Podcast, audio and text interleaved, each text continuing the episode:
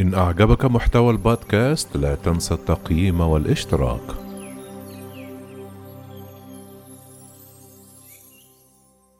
دراسة تكشف حقيقة لا تصدق بين النوم والقمر.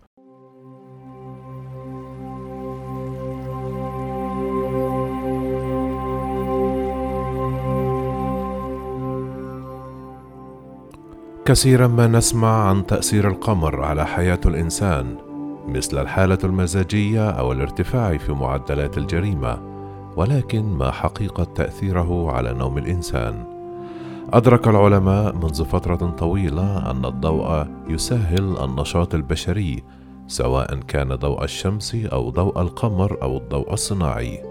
في الواقع يبدو أن تأثير القمر التابع الوحيد لكوكبنا واضح على النوم عن الإنسان بحسب دراسة علمية نشرت مؤخرا.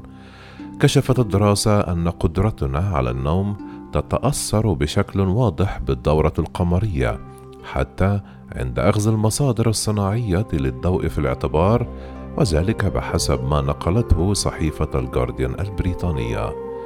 باستخدام أجهزة مراقبة المعصم تتبع الباحثون أنماط النوم لدى 98 فردا يعيشون في ثلاثة مجتمعات من السكان الأصليين في الأرجنتين على مدار شهر إلى شهرين.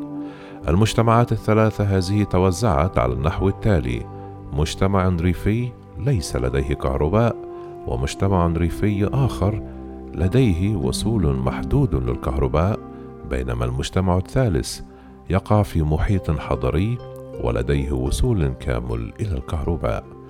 أشار المشاركون في جميع المجتمعات الثلاثة نفس نمط تذبذبات النوم مع تقدم القمر خلال دورة مدتها 29 يوما ونصف مع تغيير مدة النوم بما يتراوح بين 20 وأكثر من 90 دقيقة وتفاوت أوقات النوم من 30 إلى 80 دقيقة.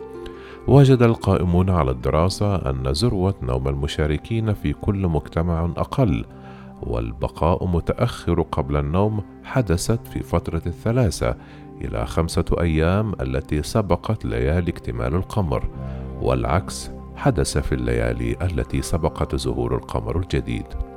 قال مؤلف الدراسة الأستاذ في علم الأحياء بجامعة واشنطن هوراسيو دولو غارسيا أن البيانات كانت مفاجئة إلى حد ما لأن التوقع الأول كان قلة النوم وزيادة النشاط في ليالي اكتمال القمر. وأضاف اتضح أن الليالي التي تسبق اكتمال القمر هي الليالي التي يكون فيها معظم ضوء القمر خلال النصف الأول من الليل. ومما لا يثير الدهشة أظهرت البيانات أن تأثير المرحلة القمرية على النوم يبدو أقوى كلما كان الوصول إلى الكهرباء محدودا. في محاولة لتأكيد نتائجهم قارن الباحثون نتائجهم.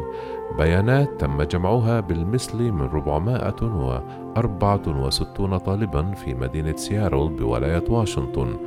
جميعهم يدرسون في جامعة واشنطن فوجدوا نفس الذبذبات في أنماط النوم. وكشف الباحثون في دورية Science Advances أن هذه النتائج معا تشير بقوة إلى أن نوم الإنسان يتزامن مع مراحل القمر بغض النظر عن الخلفية العرقية والاجتماعية والثقافية ومستوى التحضر. وأضاف هوراسيو: نحن البشر نميل إلى الاعتقاد بأننا تمكنا بطريقة ما من التحكم في الطبيعة، واستخدام الضوء الصناعي هو مثال رائع على ذلك. لكن اتضح أن هناك بعض قوى الطبيعة لا يمكننا صرف النظر عنها. غير أن أستاذ العلوم وعلوم وظائف الأعضاء ومدير مركز أبحاث النوم في جامعه سري ديرك جان ديك أشار إلى أن الباحثين لم يعالجوا التأثيرات الداخلية مثل الساعات البيولوجية التي يمكن أن تؤثر على أنماط النوم. كانت نتائج أبحاث سابقة حول تأثيرات القمر على النوم بدت غير متسقة فقد استعرضت الدراسات النوم في المختبر حيث تتم حماية عينات الدراسة من الضوء الخارجي ومعظمها لم يتم تصميمه للنظر على وجه التحديد في تأثير القمر. كما قال الدكتور سيرودي مونيكا زميل باحث في مركز أبحاث النوم في سري.